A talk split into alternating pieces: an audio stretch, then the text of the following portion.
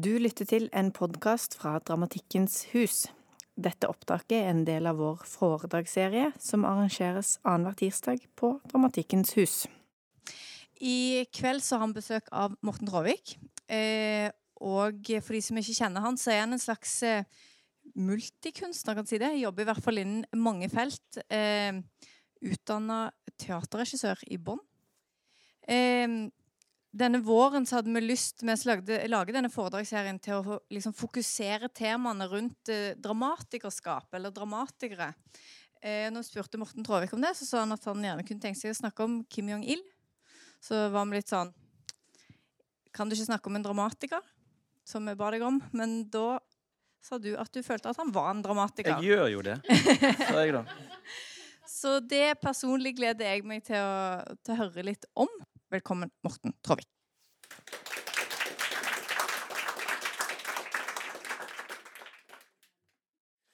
Ja, men velkommen, alle sammen.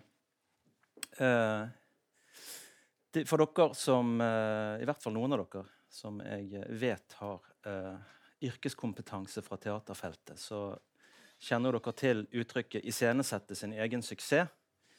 Eh, altså hvis du hvis du er redd for at det ikke skal komme folk, så spill i et lite lokale. Så blir det fullt hus. Og det har vi jo klart uh, fint i kveld, ser det ut som. Så jeg skal prøve å holde i hvert fall de fleste av dere igjen på stolen i den kommende ca. timen. Uh, den tenkte jeg uh, legge opp sånn at jeg prater, viser ting, utgyter meg, er allment sett irriterende i en times tid.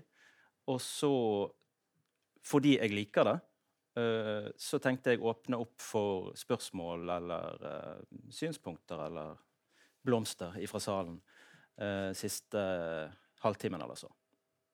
Fordi jeg synes ofte at Og dette er jo noe jeg kommer til å snakke mer om òg. Jeg synes ofte at spørsmålene og gjerne de kritiske motforestillingene kan gi eh, ideer og tanker som man som eh, kreatør sjøl ikke hadde nødvendigvis tenkt på.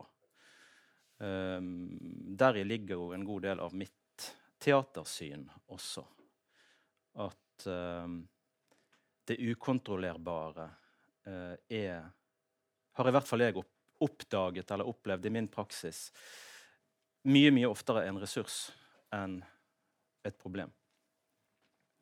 Men jeg skal begynne med å snakke om eh, litt om eh, en av de dramatikerne som har inspirert meg mest eh, de siste, siste tiåret.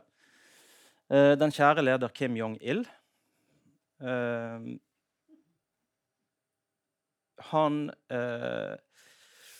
Gjennom det valget, som jo Mathilde også var inne på, så ligger det også en påstand. Så klart. Dette har de, våkneste av dere allerede skjønt. At Jeg skal selvfølgelig prate om Kim, Kim Jong-il, men jeg vil også bruke Kim Jong-il og det han er, og ikke minst det vi opplever han og det han står for, som, som et utgangspunkt for å snakke om forestillinger. Uh, for i det feltet eller den, det terrenget der jeg henter nå for tiden det meste av min kunstneriske energi, um, og uh, for så vidt også inspirasjon, um, der er en forestilling uh, vel så mye en forestilling i den mentale betydningen av ordet uh, som den fysiske altså forestilling, en teaterforestilling, ikke sant? en danseforestilling. Selve maskineriet, the works. Det er jo noe som, Dette her også, for så vidt. Noe som noen setter seg på en stol eller på et gulv eller på et stillas eh, og ser på noen andre fremføre. Mens den, typen, den eh, bevisste tolkningen av konseptet forestillinger som jeg finner mer og mer interessant, eh, handler vel så mye om forestillinger. Om vi da skal oversette til engelsk, så blir det da ikke performance, men mer preconception, eller uh, image. Altså det, uh, det som danner vår forståelse av verden. Og dermed oss selv. Det tror jeg må, kanskje må være en av de mer ambivalente og roundabout introduksjoner Kim Jong-il noen gang har fått. Det pleier å være veldig mye mer rake, rake rør, så derfor så skal vi varme opp med en liten introduksjonsvideo. Jeg har da ikke PowerPoint, rett og slett fordi jeg ikke kan PowerPoint. Jeg synes også det er et ganske kjedelig format, så det blir litt fikling her og der. Bare så dere er advart om det. Tribute to Kim Jong-il.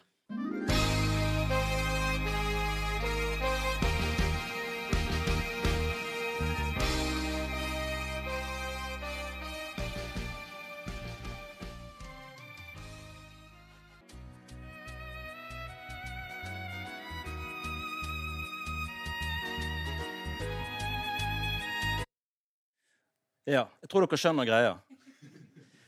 Hvem sa at de ikke kunne lage fete musikkvideoer i Nord-Korea?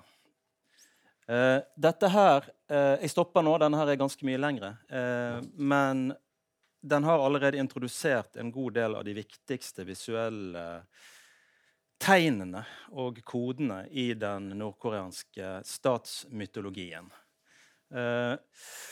det som gjør Nord-Korea bra nå er dere spente, tenker jeg, hva som kommer nå. Eh, det som gjør Nord-Korea til et, et, bra verktøy for å trene seg i å avdekke propaganda og manipulasjon, er selvfølgelig at den er ganske lett leselig og øh, øh, lett øh, Hva skal man si lett gjennomskuelig. men for meg personlig så må jeg si at noe av det som gjør Nord-Korea til et Eh, fascinerende objekt. Eh, og, og, prisme i, for seg også til, i forhold til min måte å jobbe med dramatikk på, eh, er nettopp at man blir bevisstgjort gjennom at du blir um, du, du, du, får trent deg på en måte på et grunnleggende nivå i å, å lese uh, åpenlys iscenesettelse men det utvikler også dine, tror jeg, din følsomhet og dine ferdigheter til å lese mindre åpenlyse iscenesettelser, som omgir oss hver eneste dag i vårt eget dagligliv her i den vestlige, frie, demokratiske verden. På, I andre måter og andre formater, men like forbanna så gjør de det.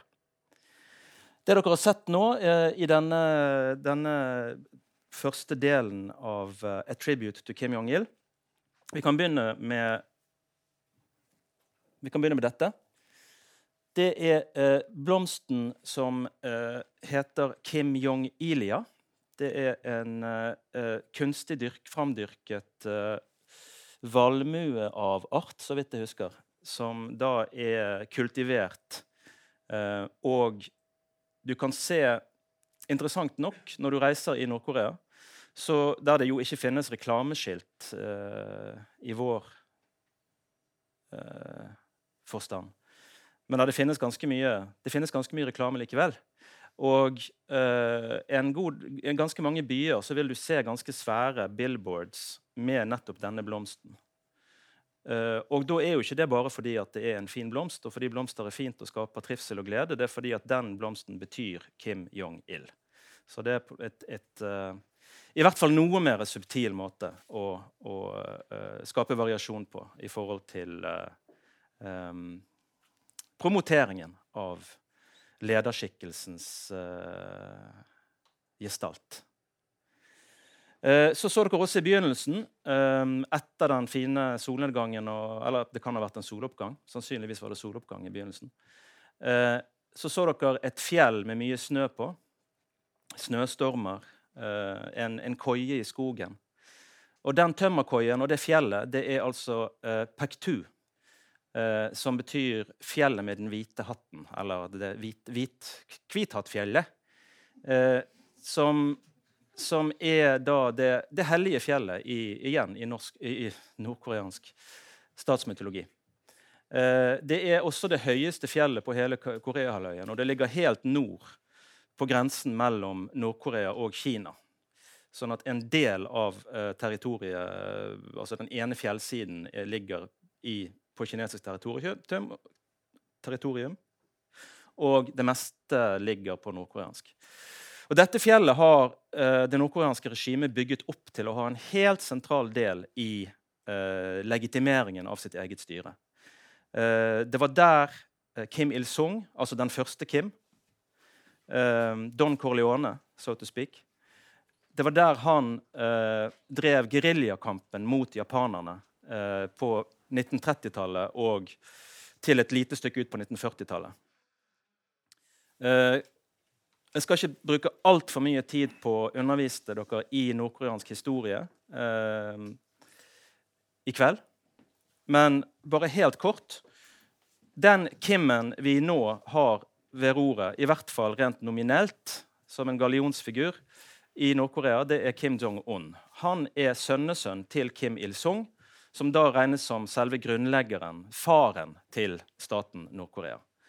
Han eh, i Nord-Korea, eh, Hele Koreahalvøya var jo en japansk koloni eh, fra 1905 til 1945. Da, da Japan eh, overga seg eh, etter annen verdenskrig, så ble da Koreahalvøya besatt av de allierte som på det tidspunktet hadde store mm, styrker i Øst-Asia. USA gikk inn og okkuperte den sørlige delen, det som i dag er Sør-Korea. Sovjetunionen gikk inn og okkuperte det som i dag er Nord-Korea. Og de delte Koreahalvøya omtrent på midten, der, omtrent der hvor dagens eh, såkalte demilitariserte sone Det er jo et noe eh, villedende betegnelse. Men eh, der den går. Eh,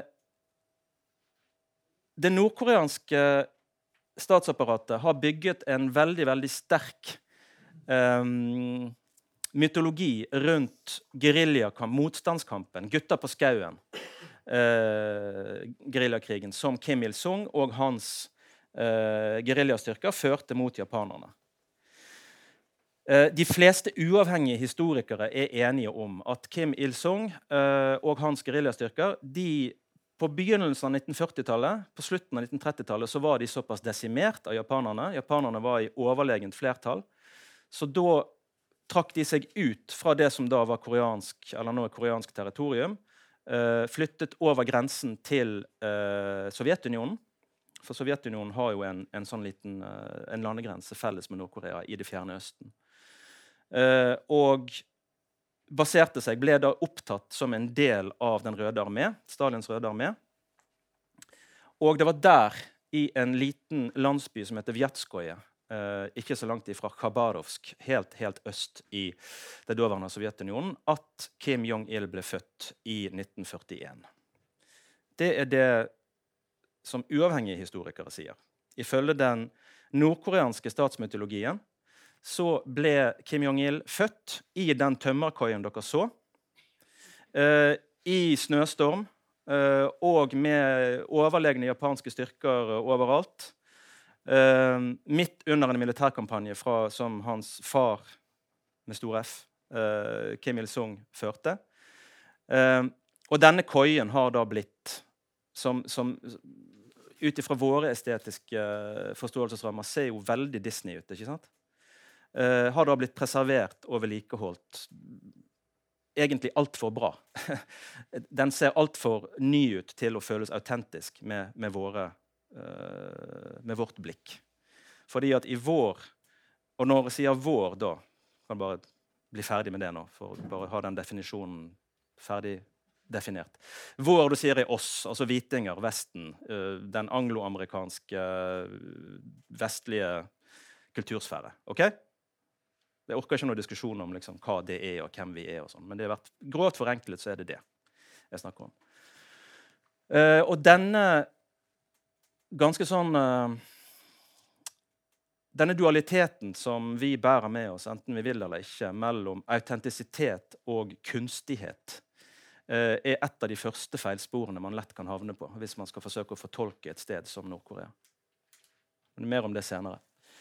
Kim Ingil ble altså da etter sigende født i denne tømmerkoien. Og uh, Pektu-fjellet, Pektusan, som da uh, um, var da fjellet det skjedde på, der står det den dag, det er i dag i dag nærmest som et Hele dette fjellet, som da er omtrent på høyde med Galdhøpiggen, eh, er fullt av enorme eh, monumenter, eh, trær som er innstøpt i plast, eh, der eh, med minneplaketter. Hele Nord-Korea er full av minneplaketter altså der, der det står f.eks. at 'dette treet så Kim Il-sung på' i, uh, det, med dato og det og det året. Og her, her spiste Kim Il-sungs uh, Kim Il-sungs daværende kone, moren til Kim Jong-il, et enkelt måltid. Uh, halvkokte ris sammen med sine trofaste geriljakjemper. Og sånt. Og denne, må, denne, denne, måten å, å, preservere det historiske på og, gjøre hele landet om til et slags uh, ja, til et slags mausoleum. Mausoleum finnes jo også i hovedstaden Pyongyang, der både Kim Il-sung, altså den første Kim, og Kim Jong-il, som jo døde i, i 2011, um, ligger på Lido Parade, balsamert. Uh, og jeg har ofte sagt, og liker ofte å si, at man kan se hele Nord-Korea som rent fysisk som et eneste stort en eneste stor installasjon. Uh, ikke, da mener jeg ikke først og fremst i kulisse at det er et kunstig eller at, at det er et stort Truman-show, for det er det ikke. Eller det er det kun delvis. Men at uh, regimet har skrevet seg inn i det fysiske landskapet og gjort det til sitt. Eh, et tankeeksperiment om Nord-Korea skulle kollapse i morgen, hvilket det ikke kommer til å gjøre. Trust me. Men om det skulle kollapse i morgen Bare tanken på hva skal vi gjøre med de millionvis av monumentene og dere så, dette, dere så, på et tidspunkt en stor murplate med noe uh, asiatiske skrifttegn på. ikke sant? Det er en, et av de mange diktene Kim Jong-il har skrevet. Uh, til og med i de mest, altså de mest avle, avleggsende Heter det? Jeg er litt sved... Avsidesliggende. Takk. Jeg er litt svedifisert, for jeg, jeg uh, bor for det meste i Stockholm for tiden. Uh, finnes det innhuggede motto fra en av en, en, en, av, en av Kimmene, eller begge. Den nålevende Kim, Kim Jong-un, han, han lever jo. Så han har ikke ennå liksom funnet sin plass på panteonet. Selv om han selvfølgelig også er gjenstand for en stor lederdyrkelse. Men det, noe, det, virker som at de har et system der man må være død før du blir liksom ordentlig et ikon. Og det er for så vidt ikke dumt. Det, da vet man på en måte at vedkommende har oppført seg. Og eh, ja, ikke funnet på noe tull som, gjør, som forkludrer det ikoniske. Eh, men når jeg nå snakker om Kim Jong-il som dramatiker, så er, det, så er det faktisk også om man skal tolke det i rent bokstavelig forstand, helt uh, med full rett. For han var etter sigende en dramatiker. Uh, han har skrevet Og igjen med, med en, en, en, sånn typisk nordkoreansk eh, blomstrende eh, iscenesettelsesiver. Eh, etter sigende da natten igjennom i ukevis med bare en eh, halv kopp te og en eh, liten ball ris. Eh, så lyset på kontoret Sånn var det jo med Stalin også. ikke sant? At man bygger en, en, en mytologi rundt lederen som går på at man arbeider utrettelig for nasjonen sitt beste, lever et enkelt liv osv. Så, videre, og så, videre. så han har da skrevet initiert og skrevet eh, både operaer der eh, i man har, eh, der man i Nord-Korea har overtatt ganske mye av de kinesiske revolusjonsoperaene. Hvis dere kjenner til de. Det er jo veldig sånn en slags uh, sosialistisk Miss Saigon, kan man si, sjanger. Der i Nord-Koreas tilfelle historier eller myter fra krigen mot japanerne har blitt systematisert inn i fem ulike eh,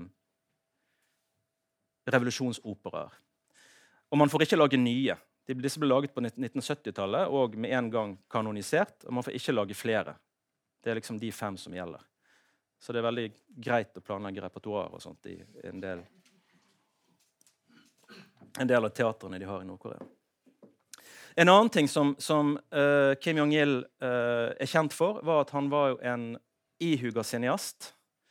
Uh, han, og, og det, tyder, det meste tyder på at det er helt sant. At han var ekstremt interessert i film.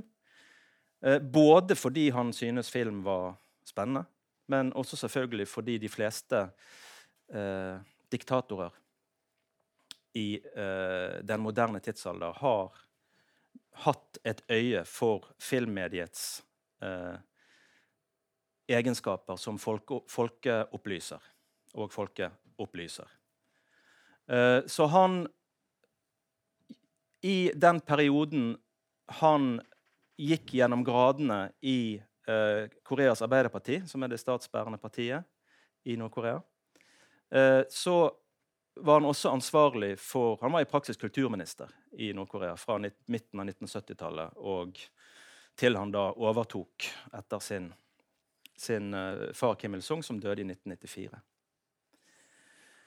Han har også skrevet mange eh, teoretiske verker, bl.a. et som heter 'The Character and the Actor', som eh, er et slags retningslinjer for hvordan man, en skuespiller bør eh, angripe sitt yrke.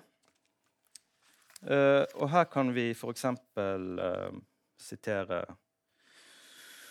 Han åpner med å si at 'actors too should explore reality'. Otherwise, they cannot accur accurately represent new characters in line with how people are changing and developing. Det er jo ganske progressivt, egentlig. Tenk på Han skrev dette på, i 1987. Lenge før dokumentarismen begynte å komme inn i samtidsteater og, og sånn. Så det går linjer her man ikke helt har visst om før. Dette hadde jeg ikke tenkt på på Blackbox. Kilden. Kilden ifra Mount Pectu. Eh, han har også skrevet uh, en ganske en, en, mye, en, mye, brukt instruksjonsbok som heter 'On the Art of Opera'. Som da handler først og fremst om revolusjons, altså revolusjonsoperasjangeren. Og selvfølgelig 'On the Art of Cinema', der han uh, legger ut grunnprinsippene for uh, hvordan man bør lage god film. Med et oppbyggelig budskap, så klart.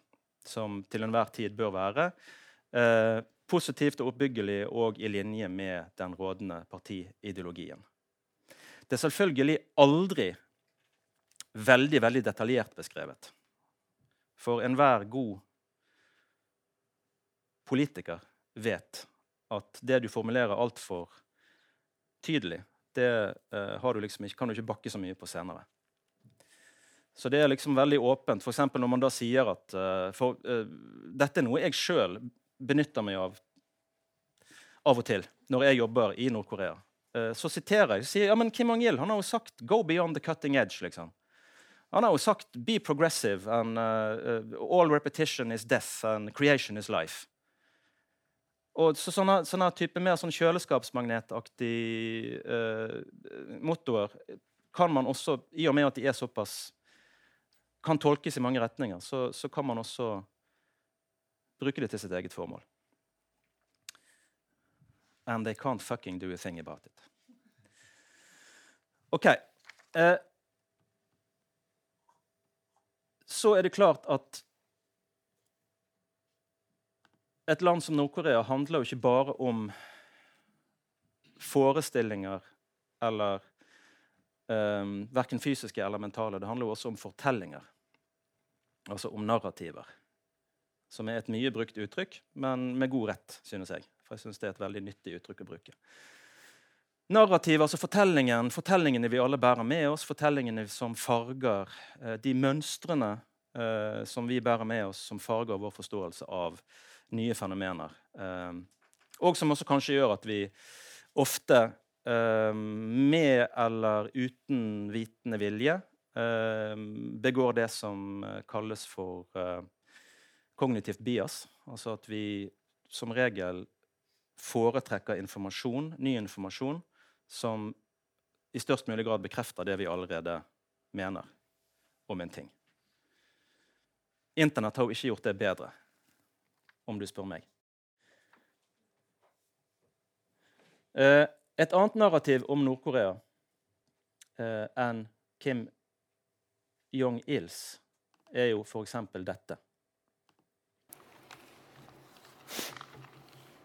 North Korea is an unimaginable country. There is only one channel on TV. There is no internet.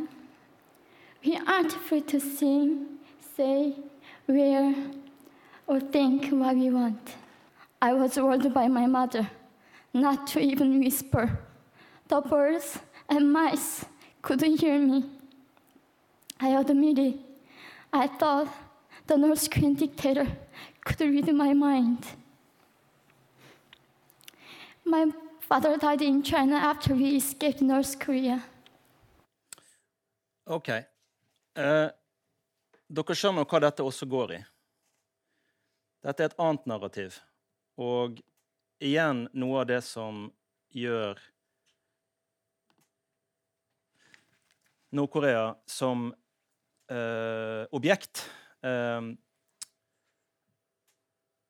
for meg uendelig interessant. Og Kim Jong-il eh, som dramatiker eh, interessant. Eh, det er at det finnes to dominerende og gjensidig helt utelukkende narrativ om Nord-Korea. Det ene er regimets, som går på en ganske, en ganske halvstarrig insistering på at Nord-Korea er det beste stedet på, på, jord. Og det motsatte. Eh, hun som pratet her, eh, heter Yeonmi Park. Eh, og hun er en av de mest profilerte avhopperne, som de gjerne kalles. Eller flyktningene, eller Ja, ifra Nord-Korea. Den, den delen av narrativet om Nord-Korea som handler om menneskerettigheter og overgrep begått av regimet, gjør ganske stor bruk av et par, et ganske lite antall, høyt profilerte eh, eh avhoppere eller flyktninger. Yeonmi Park er én. En annen er eh, Shin Dong-hyuk, som skrev 'Escape from Camp 14', som noen av dere helt sikkert må ha lest. Eh, og jeg skal igjen ikke gå altfor mye inn på problematikken om eh, hva sannheten er, men jeg kan si veldig kort, så kan vi heller diskutere det mer etterpå, at bare i det lille klippet som dere så av Jan Mi Park, var det i hvert fall tre eller fire totale usannheter. Det betyr ikke at hun ikke har opplevd forferdelige ting. Vel å merke. Jeg tror dette også er noe som um, som er relevant for mye av den, av den situasjonen vi står oppe i, i, i dag i forhold til uh, flyktningkrisen, som etter hvert har, har, har, skiftet navn til migrantkrisen.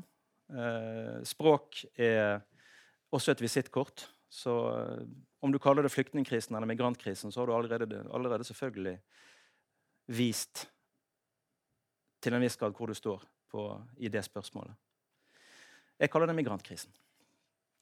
Eh, det var bra dramatisk timing.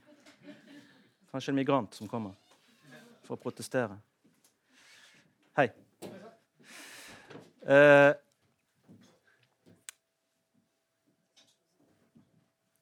men i hvert fall Både iscenesettelsen av, som det nordkoreanske samfunnet gjør av seg sjøl, og iscenesettelsen av det, det, motsatte, som er den iscenesettelsen vi stort sett eh, føler oss mest eh, trukket mot, komfortable med. Uh, utelukker hverandre gjensidig, så klart. Og jeg vet ikke hvor mye dere kjenner til mitt tidligere arbeid i Nord-Korea, eller debattene rundt det. Det har jo vært ganske mye bråk opp gjennom årene. Jeg har jo valgt valgt. Jeg har delvis, delvis, valgt å ta de debattene og være veldig tydelig til stede i de debattene sjøl som, som, debattant. Jeg sier bare delvis valgt, fordi jeg tror ikke jeg kunne latt være heller. Uh, det ville vært vanskeligere for meg å la være. Det har med mitt temperament og min uh, etniske bakgrunn å gjøre, som dere hører. Så jeg um, har til enhver tid kun hevdet at det finnes et stort, ganske lite um, frekventert landskap mellom de to ytterlighetene, som ikke så veldig mange eh, har forutsetninger for å ferdes i. Eh, at begge sider i narrativet om et land som Nord-Korea eh, At man ikke skal stole på noen, egentlig. Er det vel egentlig jeg forsøker å si. Derfor så mener også jeg at uh, å arbeide i en form der Nord-Korea blir lerretet, eller hva man skal si uh, scenen, uh, er også en form for teater. Og jeg vil påstå at det skal og bør leses som en form for teater. Med det så vil jeg på ingen måte gardere meg mot moralske motforestillinger. Tvert imot. Jeg mener jo at det som er ordentlig bra teater, det skaper moralske motforestillinger. Uansett hvor det teateret uh, utspiller seg, om det er her eller Ja der. Altså utenfor. Eh, men tilbake igjen til Kim Jong-ils dramatikergjerning. I 2012 Nei, det må ha vært før det. Det var faktisk lenge før det. sorry, nå tuller jeg. I 2002 så oppfant Kim Jong-il eh, en forestillingsform og sjanger som kanskje mer enn noe annet eh, inkarnerer og forkroppsliger eh, hele den nordkoreanske statsideologien og mytologien og systemet. Eh, den forestillingsformen heter arirang. Eller het, het Arirang, for de har sluttet med han nå. De hadde siste Arirang uh, Mass Games-forestilling for snart tre år siden. Uh, men jeg bare vil at vi skal se liten, et lite klipp av en statsprodusert video fra Nord-Korea om fenomenet Arirang. Komplett med fengende kommentatorspor og det hele.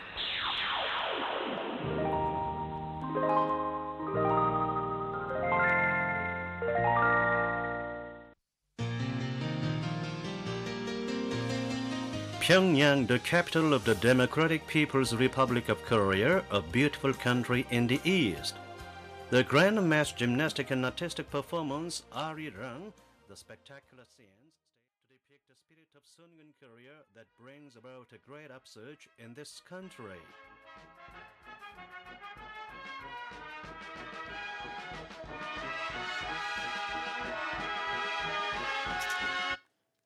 Ja, tror dere skjønner greia her også. Eh, dette er jo selvfølgelig en kunstform som eh, man ikke som man skal slite litt med å få til i et vestlig demokrati, tror jeg vi kan trygt si. Eh, ikke minst i et uh, land som Norge, der vi ikke akkurat er kjent for overdreven autoritetstro. I hvert fall liker vi å tenke det om oss sjøl. Eh, dette vil jeg gjerne gjøre noe med. Eh, så jeg forsøkte like godt å ta med meg denne ultimat kollektive kunstformen. Der det bakteppet som dere så Mange av dere har sikkert sett dette før. Men likevel så tror jeg, jeg har lyst til likevel å understreke at det som for meg kanskje er det mest imponerende aspektet altså de gym Gymnastene og sånn, det, det, er også selvfølgelig kjempeimponerende. Og det er 100 000. Det, ofte like mange på scenen som de er i salen. Og på en bra måte, liksom. Altså, ikke sånn som vi riksteaterskuespillere er vant til å tenke på det. Men at det er liksom 100 000 på scenen og 150 000 på tribunene. Og det er 10 000 altså Hele dette her, den mosaikken som dere så, som med litt sånn her uh, Atari Commodore 64-grafikk bak der, uh, det er da 10 000 Omtrent. Jeg husker at jeg har talt, prøvd å telle det der flere ganger. anslagsvis, når jeg har vært og sett det live. Eh, 10 000 14-åringer som sitter med hver sin store perm med fargelagte sider på, og venner på de sidene på signaler fra instruktører som står med flagg. Vi ser ikke de, for de står, bak en, de står mye nærmere, bak en skjerm. Eh, med en sånn presisjon. Uh, og dere så sikkert de detaljene også. Altså, bølgene som, som, blir animerte, og ilden som, som sender, sender, flammer oppover. og sånt. 10 000 14-åringer, ladies and gentlemen. Tenk. Bare lek med tanken på å gjøre det noe annet sted. Her, for eksempel. Uh, og jeg sier ikke at det, at, at det nødvendigvis er bra, men det er jævlig imponerende. Så det som jeg da gjorde Det var at jeg hadde lyst til å se hvordan dette ville se ut i en norsk sammenheng. Dette var i 2012, så det var ganske kort tid etter at Kim Jong-il døde. Denne reportasjen er fra TV 2.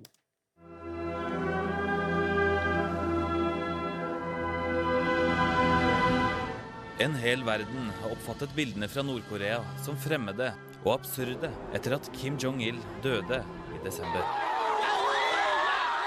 Det jeg ikke helt skjønner, er hvordan det kan virke absurd. Jeg skjønner at det kan virke fremmedartet, men vi har jo publikum på en Michael Jackson-konsert f.eks., som oppfører seg på nøyaktig samme måte, eh, uten at vi synes det er absurd.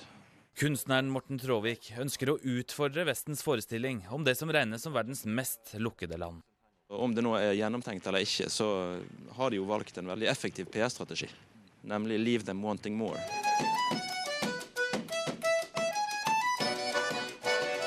Siden 2008 har han vært på jevnlige besøk i landet og fått tillit.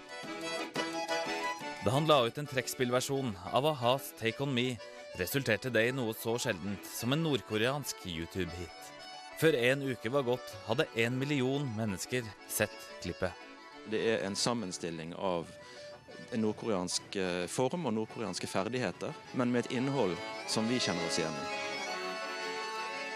Nå er han på Barents Spektakel i Kirkenes og samarbeider med Komiteen for kulturell utveksling med fremmede land. En del av prosjektet er å sette norgesrekord med å bygge opp et bilde med 256 levende piksler. Her har vi da bygd opp en eh, snøtribune som eh, alle de deltakerne som skal være de menneskelige eh, pikslene i billedspillet, skal, skal stå på. Det ser eh, svært ut. Svært i norske forhold, men kanskje ikke så stort i, i forhold til hva nordkoreanerne er vant til? Nei, Nord-Korea er jo dette her sånn barnehagestørrelse. Hei, jeg heter Morten Tråvik. Alt dette her er min feil. For å danne bildet stiller lokalbefolkningen, folkehøyskoleelever og garnisonen Sør-Varanger relativt frivillig opp. Jeg vet ikke egentlig hva vi driver med, men eh, det høres jo veldig spennende ut. Så skal vi begynne å dele ut katalogene. Herifra og ut så er det kjempeviktig å memorere eh, sin plassering, og ikke minst eh, sitt nummer på katalogen. Har vi det bra, ja eller nei? Ja! Er det kaldt, ja eller nei? Ja! Pyongyang is cold and here is cold, but I can feel the warm heart of the Norwegian people.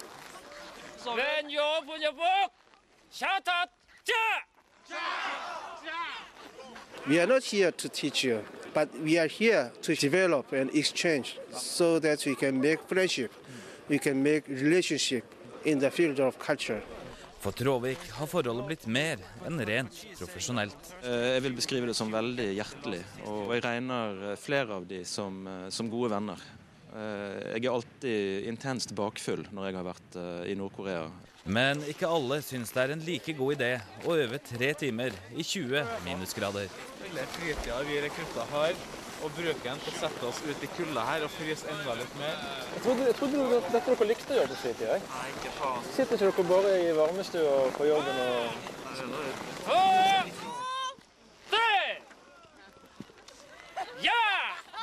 Har du måttet gå på akkord med deg selv for å få den tilliten til eh, de kreftene i Nord-Korea du har gjort? Det er et godt og viktig spørsmål, eh, og svaret på det er nei. Ikke et eneste sekund.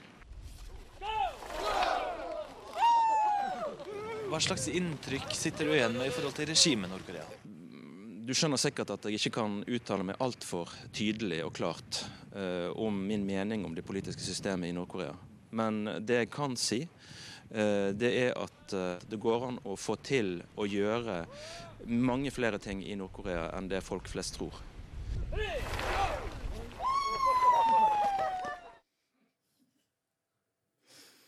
Ja, bedre og bedre dag for dag. Eh, som dere har merket, så har vi da sømløst, i hvert fall relativt sømløst, glidd over i eh, en, en, skamløs sjølpromotering fra min side eh, av de arbeidene jeg eh, holder på med og har holdt på med i forhold til Nord-Korea. Nå blir det veldig mye Nord-Korea i kveld.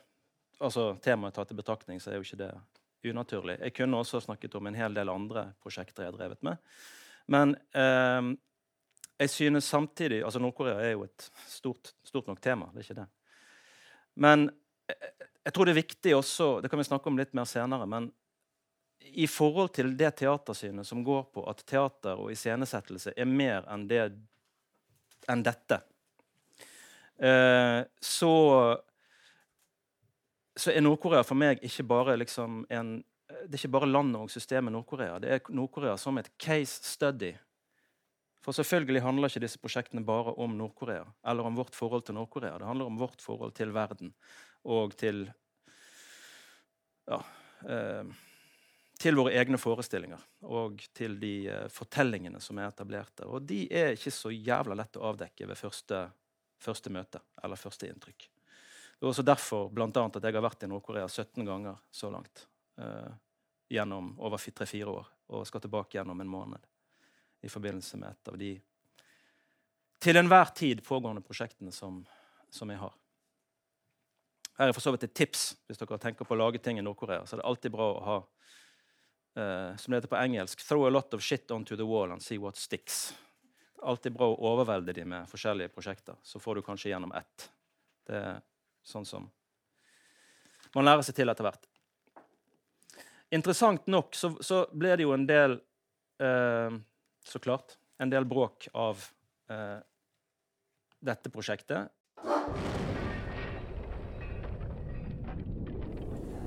Vi skal til verdens største og lengst pågående teaterforestilling. Skal så skal vi spille våre roller i den.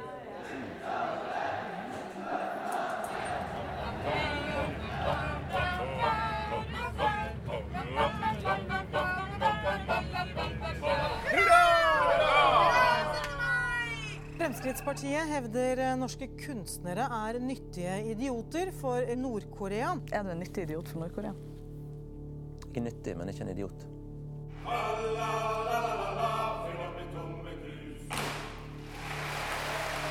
Selvfølgelig handler ikke dette bare om Nord-Korea.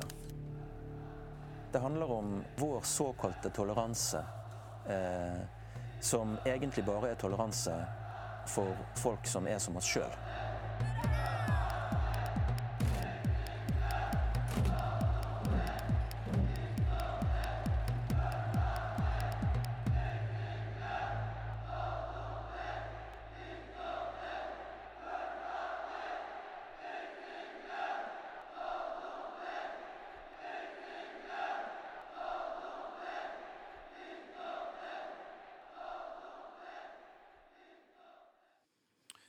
Mm.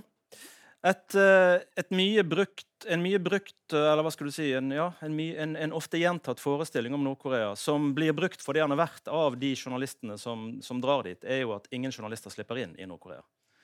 Um, og det er jo selvfølgelig med å gi ekstra sexy faktor til de innslagene som kommer ut av Nord-Korea.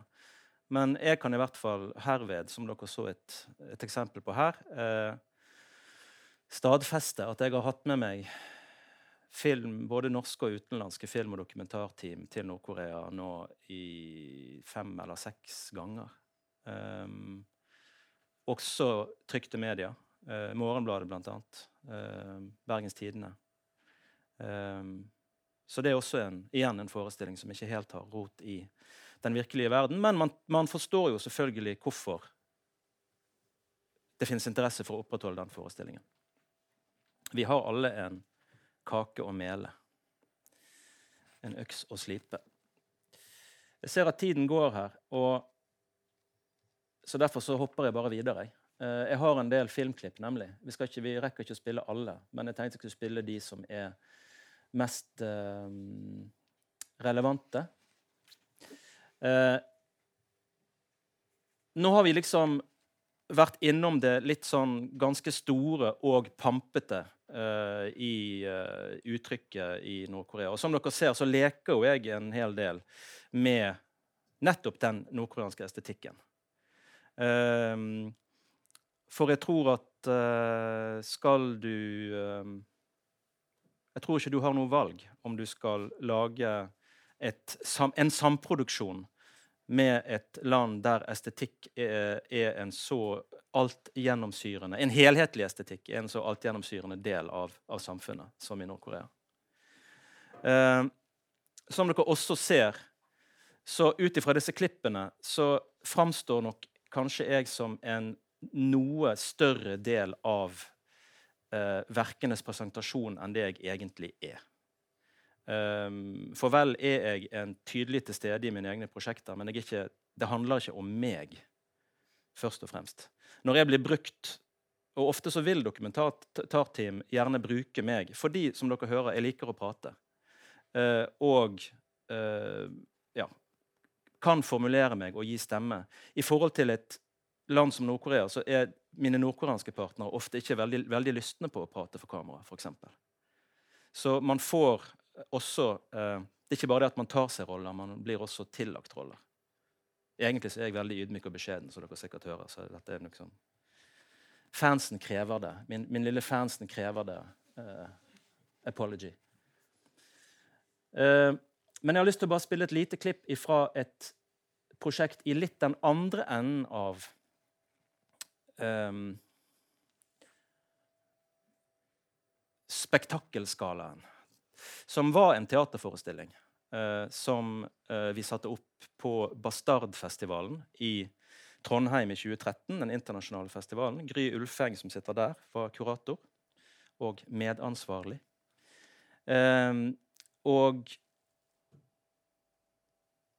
det var også en interessant utfordring å forklare konseptet Bastardfestivalen til nordkoreanske komiteen for kulturelle forbindelser. De syntes ikke det låt like gildt som Ibsenfestivalen eller sånn. Men vi, vi fikk de nå dit, og så lagde vi dette her.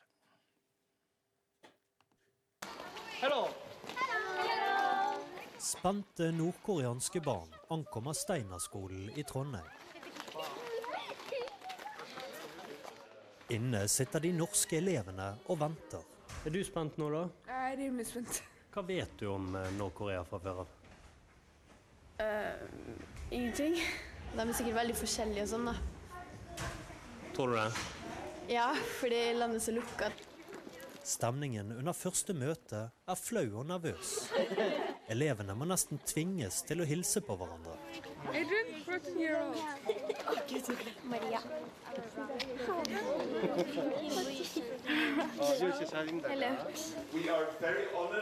Men etter den obligatoriske velkomsten endrer stemningen seg fort. Do not, do not hold the hands. Not yet. Not yet. Adrian. My name is Kim Song-i.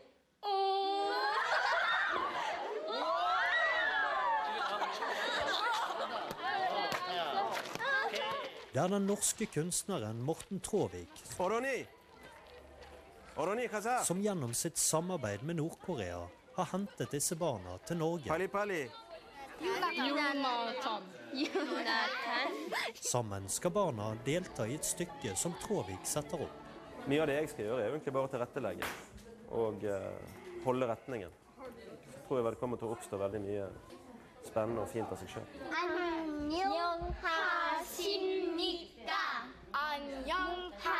prøvene i gang.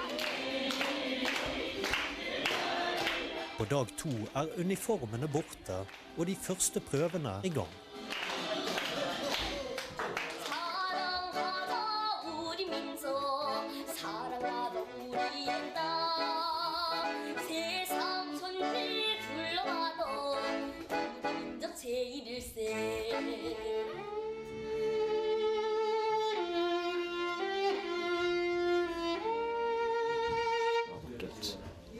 hele uttrykket. Fantastisk. Mens lærerne lar seg imponere, er de norske elevene sjokkert over nivået. Når vi trodde vi var gode til noe, eller noe vi følte vi var gode til, så ser vi dem, og så er det sånn Oi da. Visste ikke så gode likevel. De er veldig flinke.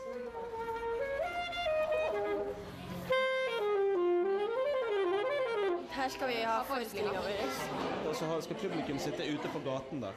Noen kan mene at dette samarbeidet med Nord-Korea er uheldig.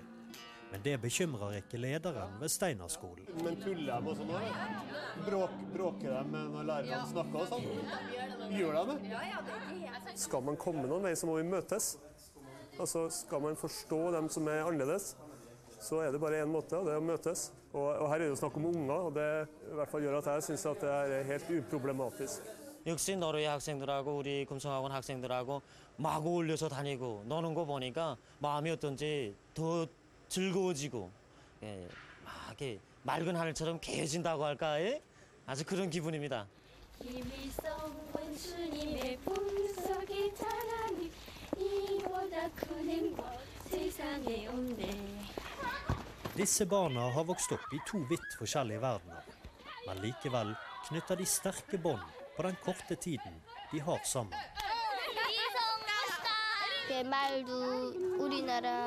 Mm. Forestillingen vi lagde, het 'Work in Progress'. Uh, progress utropstegn. Uh, og den hadde premiere på den 9. september, som i 2013 uh, eh, både var Nord-Koreas nasjonaldag og stortingsvalgdag i Norge. Eh, så forestillingen eh, bygde vi på eleven, de norske elevenes eh, sketsjer, og de fikk i oppgave å lage, ta for seg et politisk parti og lage en, en valgkampsketsj eller en valgkampreklame for det partiet. Som vi da satte i en sekvens. Og de nordkoreanske de hadde jo allerede et parti, så de trengte vi ikke å, å velge. Så de framførte da patriotiske sanger og, og eh, lignende fra sitt eget parti. Eh, bare helt sånn som en liten sånn uh, Igjen erfaringer som, som problematiserer fortellingen. på en måte. Det var etter premierefesten, da når vi hadde endelig sendt alle ungene hjem og vi voksne kunne sitte og pjalle litt. Så, så ble vi da sittende i lokalet til, Nord, uh, til Trøndelag Senter for samtidskunst, som var der vi, vi, vi holdt forestillingen. Og da var det jo valg, ikke sant? så vi, jeg i hvert fall holdt meg litt oppdatert på hvordan det gikk. Og, og så videre. Og så gikk det jo ganske bra for Høyre. Eh, og så fikk vi høre at de hadde valg Da begynte vi å bli ganske fulle. Eh, så begynte at de hadde valg, eh, sånn valgfest, altså valgvake som har blitt til valgfest i området. Eh, så da, og så hadde vi av en eller annen grunn liggende noen Høyre-T-skjorter i lokalet til Trøndelag Senter for samtidskunst. Don't ask me why. Men uh, mulig jeg avslører uh, Jo, selvfølgelig! Det var rekvisitter til ja, ja, ja. Takk, Gry. Eh, så de eh, T-skjortene, som var størrelse XL, de gikk da utenpå dressjakken til Mr. Liu, som er eh, direktør for europaavsnittet i Nord-Koreas kulturelle eh, komité for kulturelle forbindelser. På den satte han en Kim Il-sung-pinn. Eh, og, så gikk, og så gikk vi ut i natten for å finne Høyre-nachspielet. Med to representanter for eh, Nord-Koreas komité for kulturelle forbindelser. Eh, vi fant det dessverre ikke. Eh, men jeg synes viljen var der veldig veldig sterkt fra deres side. Og det sier også noe om fortellingen om altså dette her at de skal gå opp i røyk eller sprekke hvis de blir utsatt for vestlig demokrati, f.eks. Så eh, ja. Jeg har jo selvfølgelig masse materiale som jeg ikke engang kommer i nærheten av å kunne vise dere nå. For nå tenkte jeg kanskje vi skulle ta litt tid til spørsmål og svar. Vi begynner å nærme oss eh, slutten. Men likevel så tenkte dere skulle få en liten forsmak på det foreløpige seneste stadiet av den prosessen som det å utvikle hva skulle du si, og, og, og, på en måte stadig prøve å pushe grensene litt i forhold til hva som presumptativt går an å få til i Nord-Korea. Og det er ifra uh, det som i det verden, verdensmediale narrativet var å ta rock'n'roll til Nord-Korea for første gang. Eh, det gjorde jeg i fjor i august. Det er selvfølgelig ikke fullt så enkelt. Det har vært rockband der før. Men de var ikke så kule som det rockbandet jeg tok med. Så vi fikk hele æren for det. De heter Laibach. Eh, ble dannet i 1980 i det som da var Jugoslavia, samme år som Tito døde. Og er mest kjent for å De, de, de kalles ofte for verdens beste coverband. Uh, for de er kjent for å ta til seg coveret av kjente pophits og avdekke de um, ofte skjulte, av og til ikke fullt så skjulte, totalitære tendensene som finnes i vår eh, totalitære, forførende og manipulerende tendensene som finnes i vår populærkultur. uh, her da manifestert gjennom popmusikk. Så her er da en liten smakebit først på deres uh, ne, Jeg tror kanskje deres liksom, gjennombruddslåt det var deres cover av 'Life Is Life' med Opus. De fleste av dere husker sikkert den. Sant? Ganske sånn tilforlatelig, trivelig, men også litt sånn uh, anthem-aktig. Life is life da, da, da, da, da. Litt slentrende og trivelig og, og optimistisk. Uh, Laibach-tolkning ser han sånn ut. Life.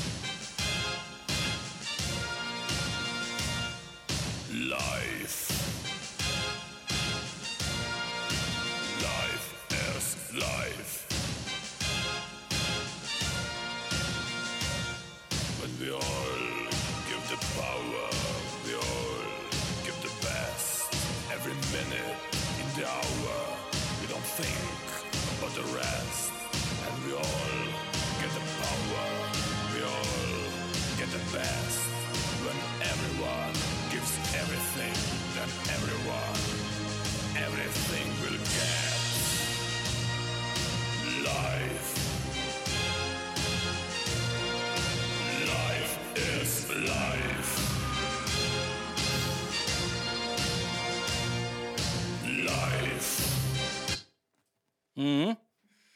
Jeg tror dere skjønner greia her òg. Eh, da skal vi hoppe til 20 til 18 år senere. Eh, da er jeg i mellomtiden Jeg var jo stor Laibach-fan på 80- og 90-tallet. Og de har betydd mye for meg, ikke bare musikalsk, men, men også i måten å tenke kunst på. Og eh, ja, måten å marsjere på. Eh,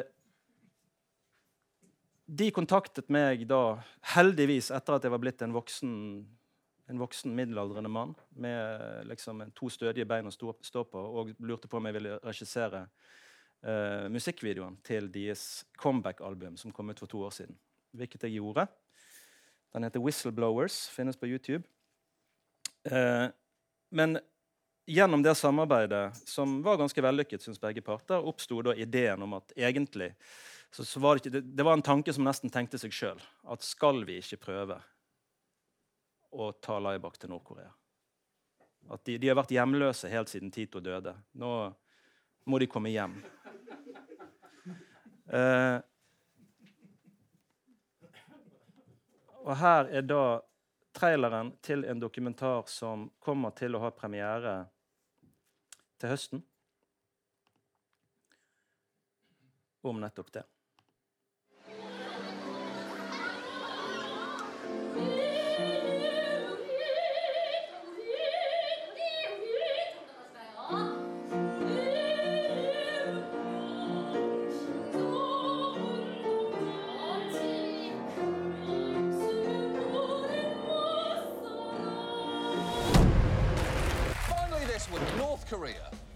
Florida.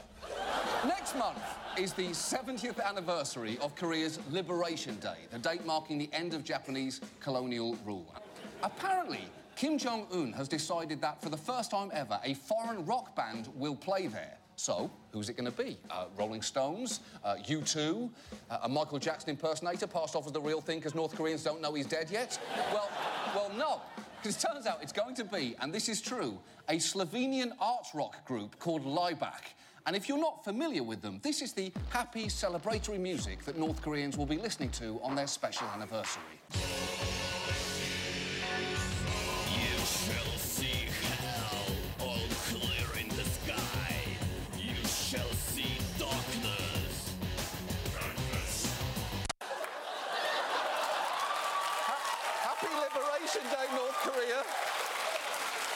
Sleep well.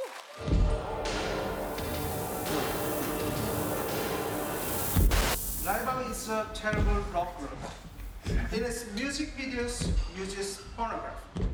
This group is considered as neo-Nazi supporting Hitler-style scenery and clothing. This band basically jokes and laughs about what they call dictatorships around the world, and their music is terrible. If Laibach did visit the DPRK, they would carry out a provocation and harm its socialist system. So, without trust, without confidence, we cannot invite you here.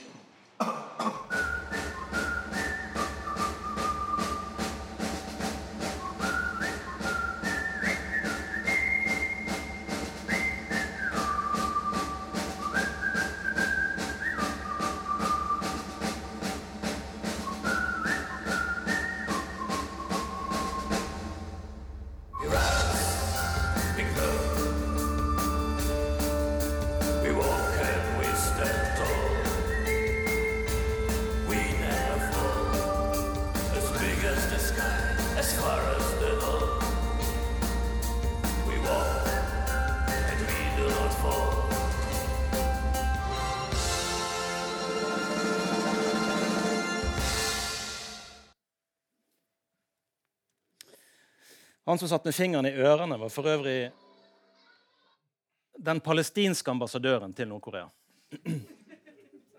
For uh, altså, I og med at nordkoreanere, eller for så vidt koreanere generelt, sjelden gjør noe halvveis, så hadde de invitert hele diplomatkorpset ifra, altså av de landene som har ambassader i Pyongyang.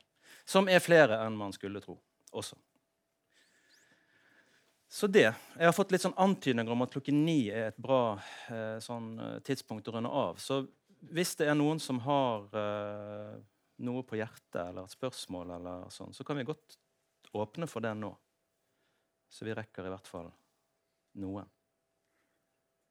Eller er allting tindrende klart?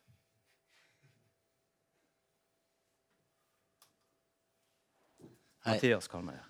Ja, Mathias. Eh, du, Jeg bare tenker på når Paul Simon og, Peter Gabriel i sin tid dro inn i, Sør-Afrika og hentet ut liksom afrikanske native-kulturen, eh, så ble jo de uglesett veldig for at de brøt den kulturelle boikotten av Sør-Afrika.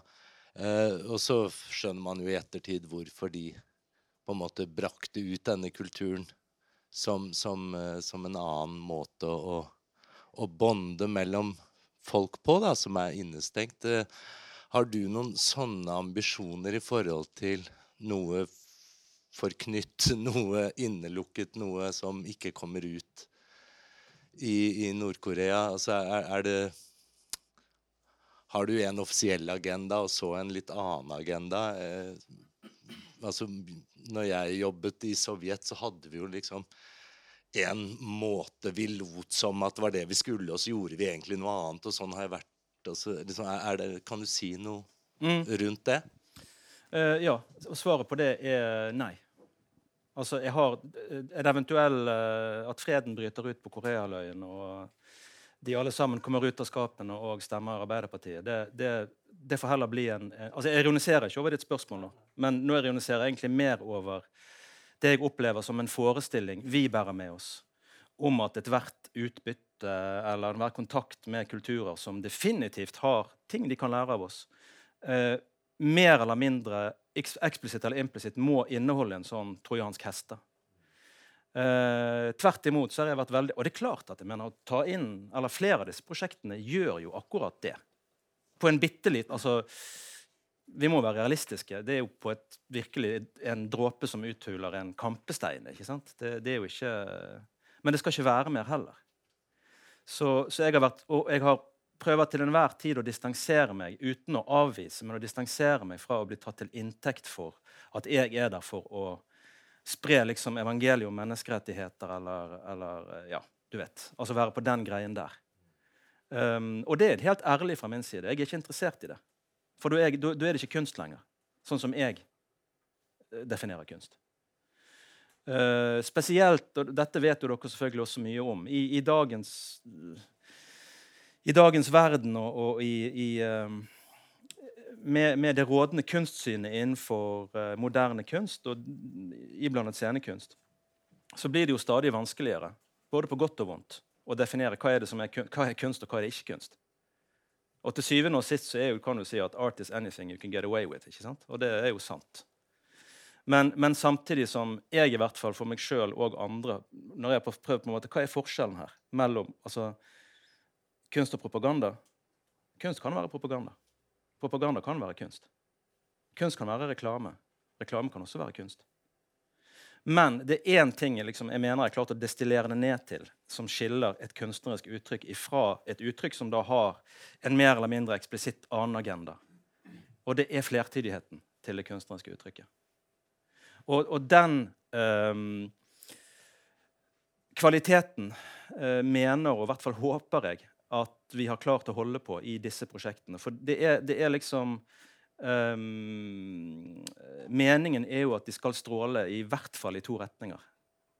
Uh, både inn mot å utfordre det nordkoreanske uh, statssystemets syn på ja, smitte utenifra. Uh, men det skal også utfordre vår, det store vår,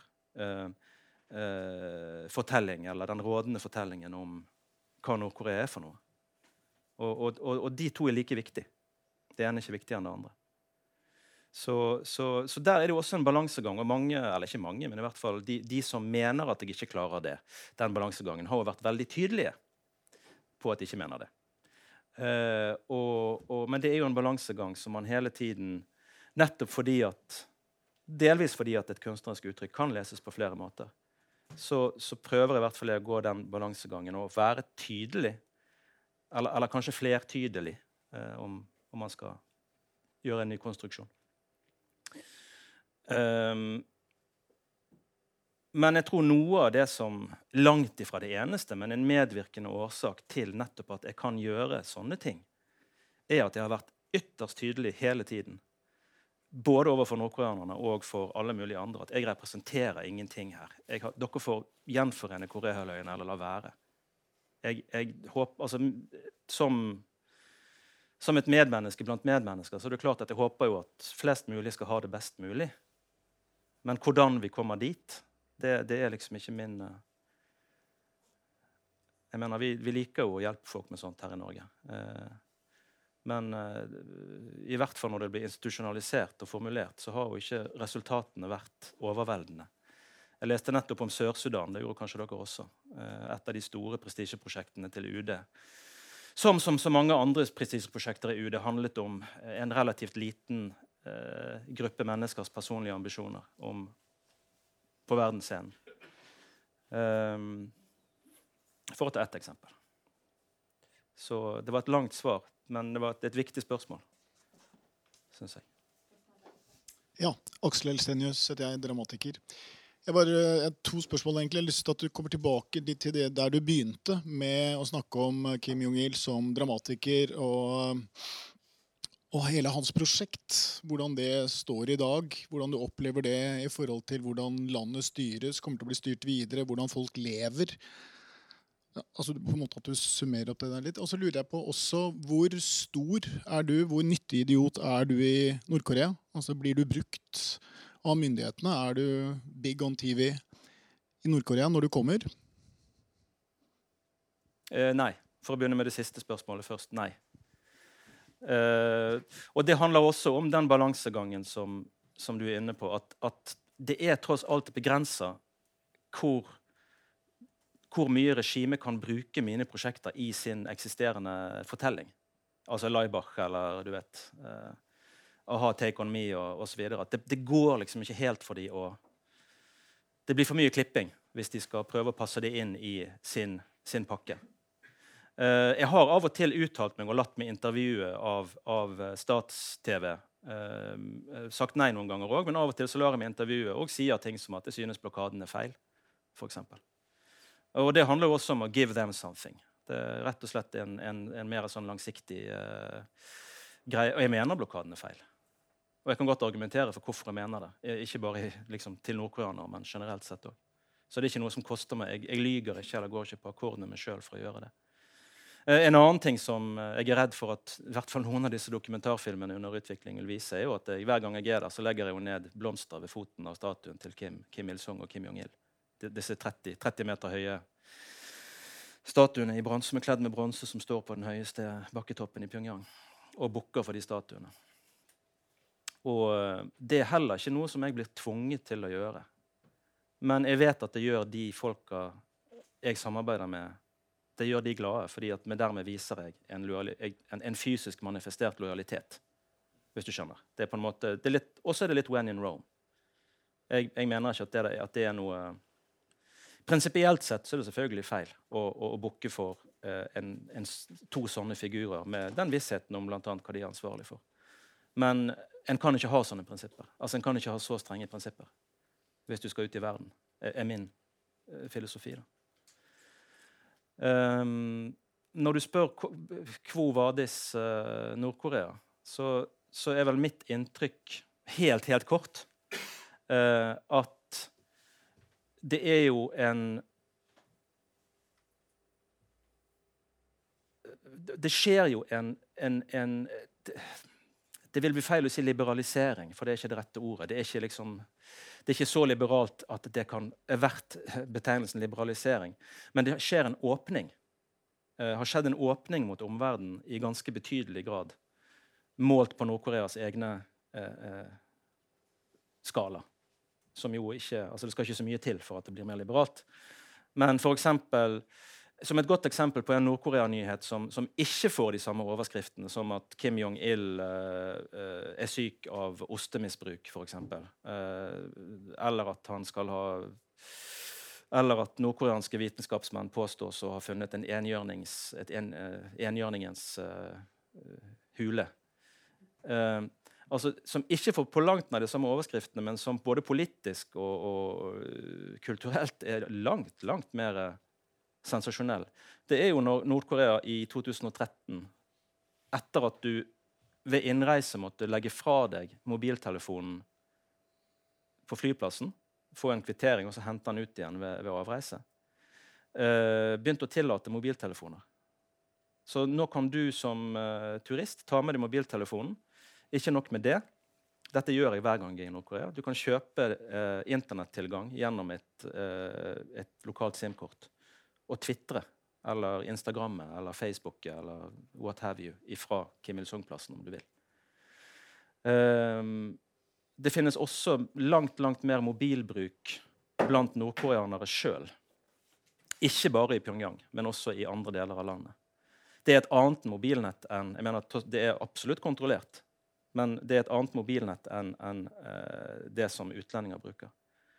Men likevel vil jeg jo si at det er et ganske stort, altså det er et kvantesprang i forhold til sånn som det var. Men det der er noe som mange ikke vet, fordi at det har ikke blitt kommunisert. På, på langt nær på samme måte som at ja, eh, som det som jeg kaller mer freakshow-historier. Eh,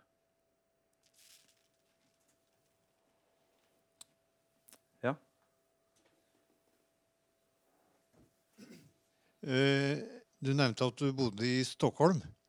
Jeg lurte på om du vil si et par ord om eh, mottagelsen av det du viser i Sverige sammenlignet med Norge, og eventuelt andre land som du har fått ja, vist fram ting og fått reaksjoner og satt i gang ting?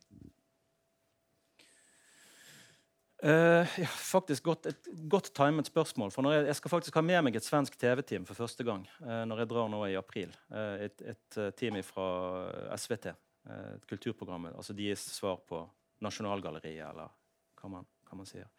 Sverige har ikke, det har ikke skjedd jeg, jeg tror ikke Sverige har egentlig visst så veldig mye om de prosjektene. Det er klart de har skrevet om de, men det har ikke vært på en måte på langt nær den samme blesten og, og, og debatten i det offentlige som, som det har vært her. Uh, det tror jeg delvis handler om jeg mener I Norge er det jo i hvert fall en medvirkende årsak at jeg er jo norsk uh, og hadde allerede gjort en del Jeg hadde på en måte allerede en viss medieeksponering før jeg begynte å befatte meg med Nord-Korea. Men også at i Danmark for eksempel, hadde fått mye mer publisitet enn i Sverige. Og det er jo fordi at Danmark rent kunstnerisk sett har en sterkere link til Nord-Korea gjennom bl.a. Uh, uh, denne filmen til han Mats Brygger hvis du det sier det noe, som heter The Red Chapel. Det var en, en, en slags dokumentar som en uh, dansk dokumentarfilmskaper gjorde for noen år siden. Um, men det er vel ikke noe annet sted jeg har opplevd at det har vært så kontroversielt som det har vært i Norge. Men det, igjen så handler det der ganske mye om enkeltpersoner. Altså. Jeg har jo en Jeg vet ikke hva jeg kan ha gjort mot, mot han altså, en eller annen gang. Om jeg har uh, feid over han på et nachspiel og ikke ringt neste dag. Eller. Det er virkelig, altså, it, It's personal. Uh, men hvis du går inn på civita.no og søker på Morten Tråvik Sist gang jeg gjorde det, så fikk jeg elleve artikler om Morten Tråvik. Lange artikler. Uh, og én om, om Edward Snowden. Og Det er klart det er jo smigrende for mitt ego, og alt det der, men, men det, er, det, har vært et eller annet litt sånn obsessive compulsive over det der. Og jeg klager overhodet ikke over det. For, for, det første fordi jeg mener at motforestillinger apropos forestillinger, motforestillinger er jo noe av det som, som gjør prosjektet bedre. At du bryner deg på det. Det, det spisser redskapene dine. Men jeg har jaggu meg fått god drahjelp av altså, mine beste fiender i den høyreliberale tenketanken Civita når det gjelder å, å, på en måte få det på den eh, offentlige agendaen i Norge. Frp har også hjulpet ganske bra til da, eh, med å legge det fram for Stortingets spørretime og, og sånn. Um, og eh, de blir alltid like sur når jeg takker dem for forestillingen. For å være en del av forestillingen. Som jo er greit. Ja, det er en kommentar for så vidt. Uh, og bringer tilbake til begynnelsen. Uh, fremstilling av forestillinger, eller uh, forestillinger som fremstillinger av virkelighet.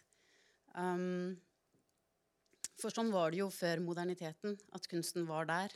Da hadde vi ikke ordet kunst engang om det. Og um, du sa noe veldig fint i begynnelsen der som handlet om det at autentisitet må vi bare slippe hvis vi skal begynne å tolke alle de tegnene og forstå hva eh, forestillingene deres eh, er. Fremstiller virkelighet, kan man kanskje si. Det er virkeligheter. Eh, og at det også er sånn hos oss, og at det er vanskelig å avdekke. Eh, og så sier du at, samtidig litt senere at eh, det du har lært, er at du ikke kan tro eller ikke kan stole på verken det ene eller det andre. Men du vil jo ta bort autentisitet og virkelighet som dikotomi, og det syns jeg er veldig fint. Men da lurer jeg på om vi kanskje også må ta bort dette med å tenke på å ikke stole på, eller det at alt er løgn eller sannhet. Det er en dikotomi vi kanskje også må prøve å fri oss fra i et sånt landskap når vi jobber med eh, estetikk, eh, ransier. Han kaller det du snakker om nå, som kanskje estetikkens tredje vei, eller eh, det, polit det, politiske i kunsten er i estetikken. At den ikke verken er instrumentell eller vil forandre noe spesielt eller skape en annen verden, men at den er sagt som et sensibelt eh, distribusjonsrom mellom politikk og virkelighet. Og at der finnes ikke sånne dikotomier. Og du sa jo at du har trent deg i å i å møte mennesker eller å forvalte sånne forestillinger. Men tror du ikke at vi må slutte å liksom si sannhet, løgn, i møte med sånne ting som dette her? Narrativene og deres egen propaganda. Jeg tror i hvert fall ikke det er noe spesielt fruktbart uh, begreps, begrepsapparat for økt forståelse, nei. Det tror jeg ikke. Um, og igjen, altså dette er jo nesten, Det blir jo egentlig et, et, ekstra foredrag som vi ikke skal la oss friste til å ta nå. Men, men uh, meg hadde lært veldig mye om nettopp det du er inne på. Og, og, og uh, altså Å avdekke en slags underliggende premiss i vår kultursfære, nemlig at bak forestillingen ligger det noe som er autentisk og ekte. Uh, dette er ikke noe, ny, det er ikke noe ny, nytt å problematisere dette her, eller, eller å, å, å uh, påpeke det. Men uh, jeg pleier å si også at ja, Vi skal snart slutte, altså.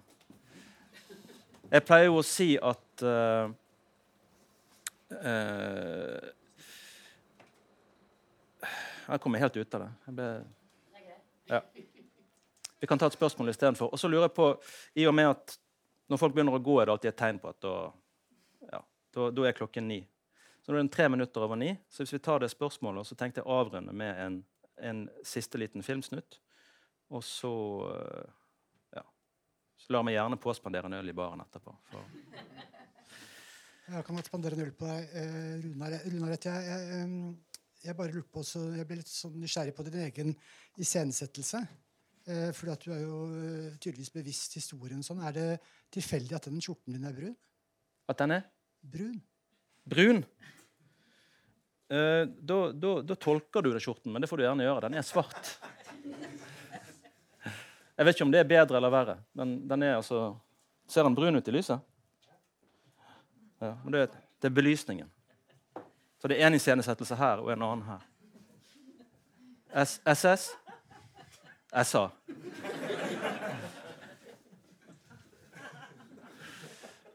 Um, men absolutt. Og det, det, det, vil dere sikkert se nå i den siste traileren jeg skal vise.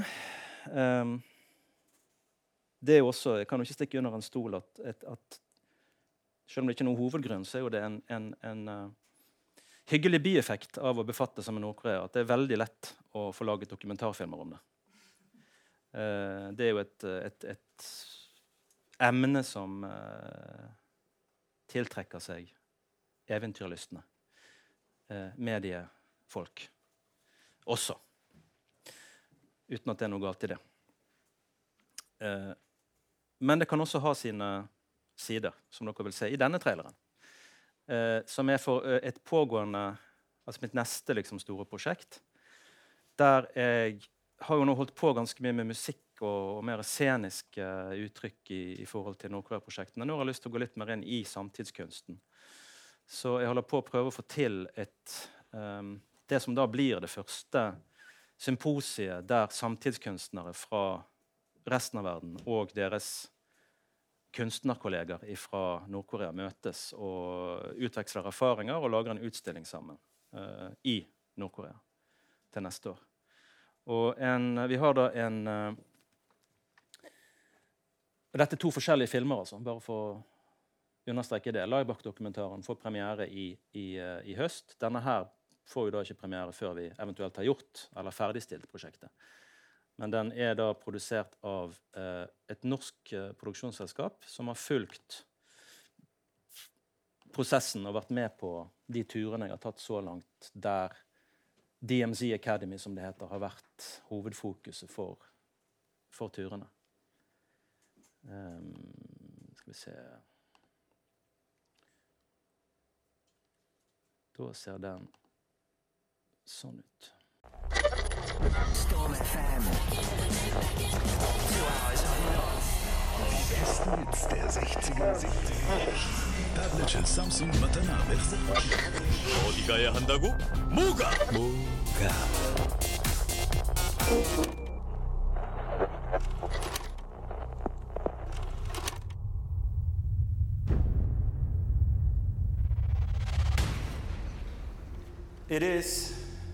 an indisputable fact that Generalissimo Kim Jong il was the leading light in the development of contemporary Korean culture in all its forms.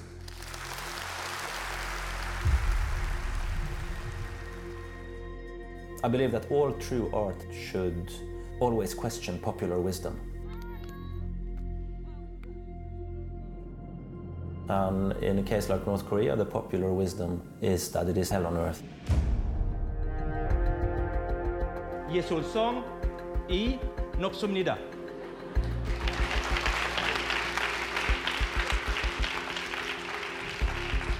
I think that the arts is maybe the best area to create understanding between the peoples. As an artist, you cannot not be impressed because you see art everywhere. But all that art is tailor made for one purpose, one purpose only. 아름다운 정신 세계 찬심에 투쟁하는 작품들은 사람들한테 보다 Abstract art do not exist.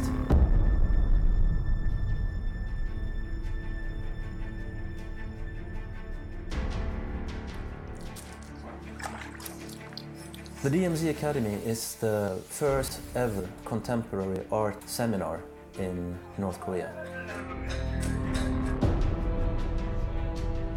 We have signed on an exclusive group of contemporary artists who all have in common art forms that have so far not been introduced to North Korea. De vil jo se på dette er som kluss.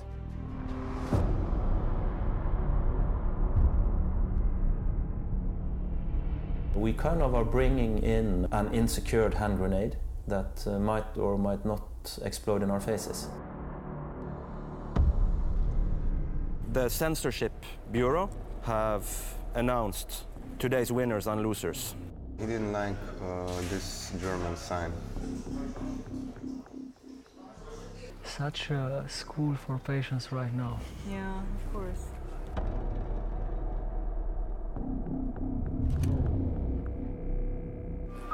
I understand why you Akkurat don't må practice just one time. I've never, I've never seen this man before, and he comes in and he, he, he acts like the boss.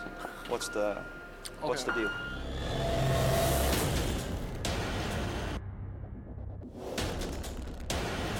In my culture, when you when you come at, and interfere with people's work, at least you have the good manner to introduce yourself.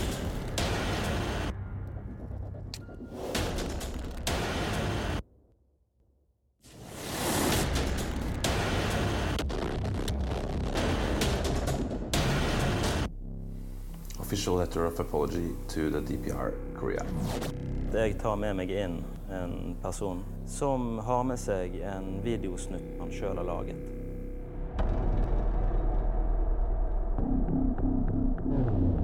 Jeg har lyst til å banke opp fyren. ikke sant? Det er jo så utilgivelig forbanna idiotisk. Let the show begin.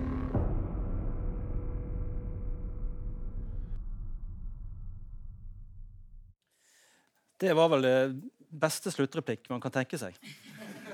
Så med disse bevingede ord så sier jeg eh, takk for i kveld.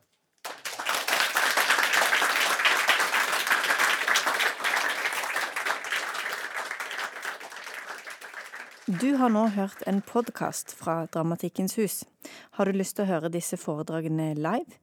Sjekk ut våre hjemmesider dramatikkenshus.no.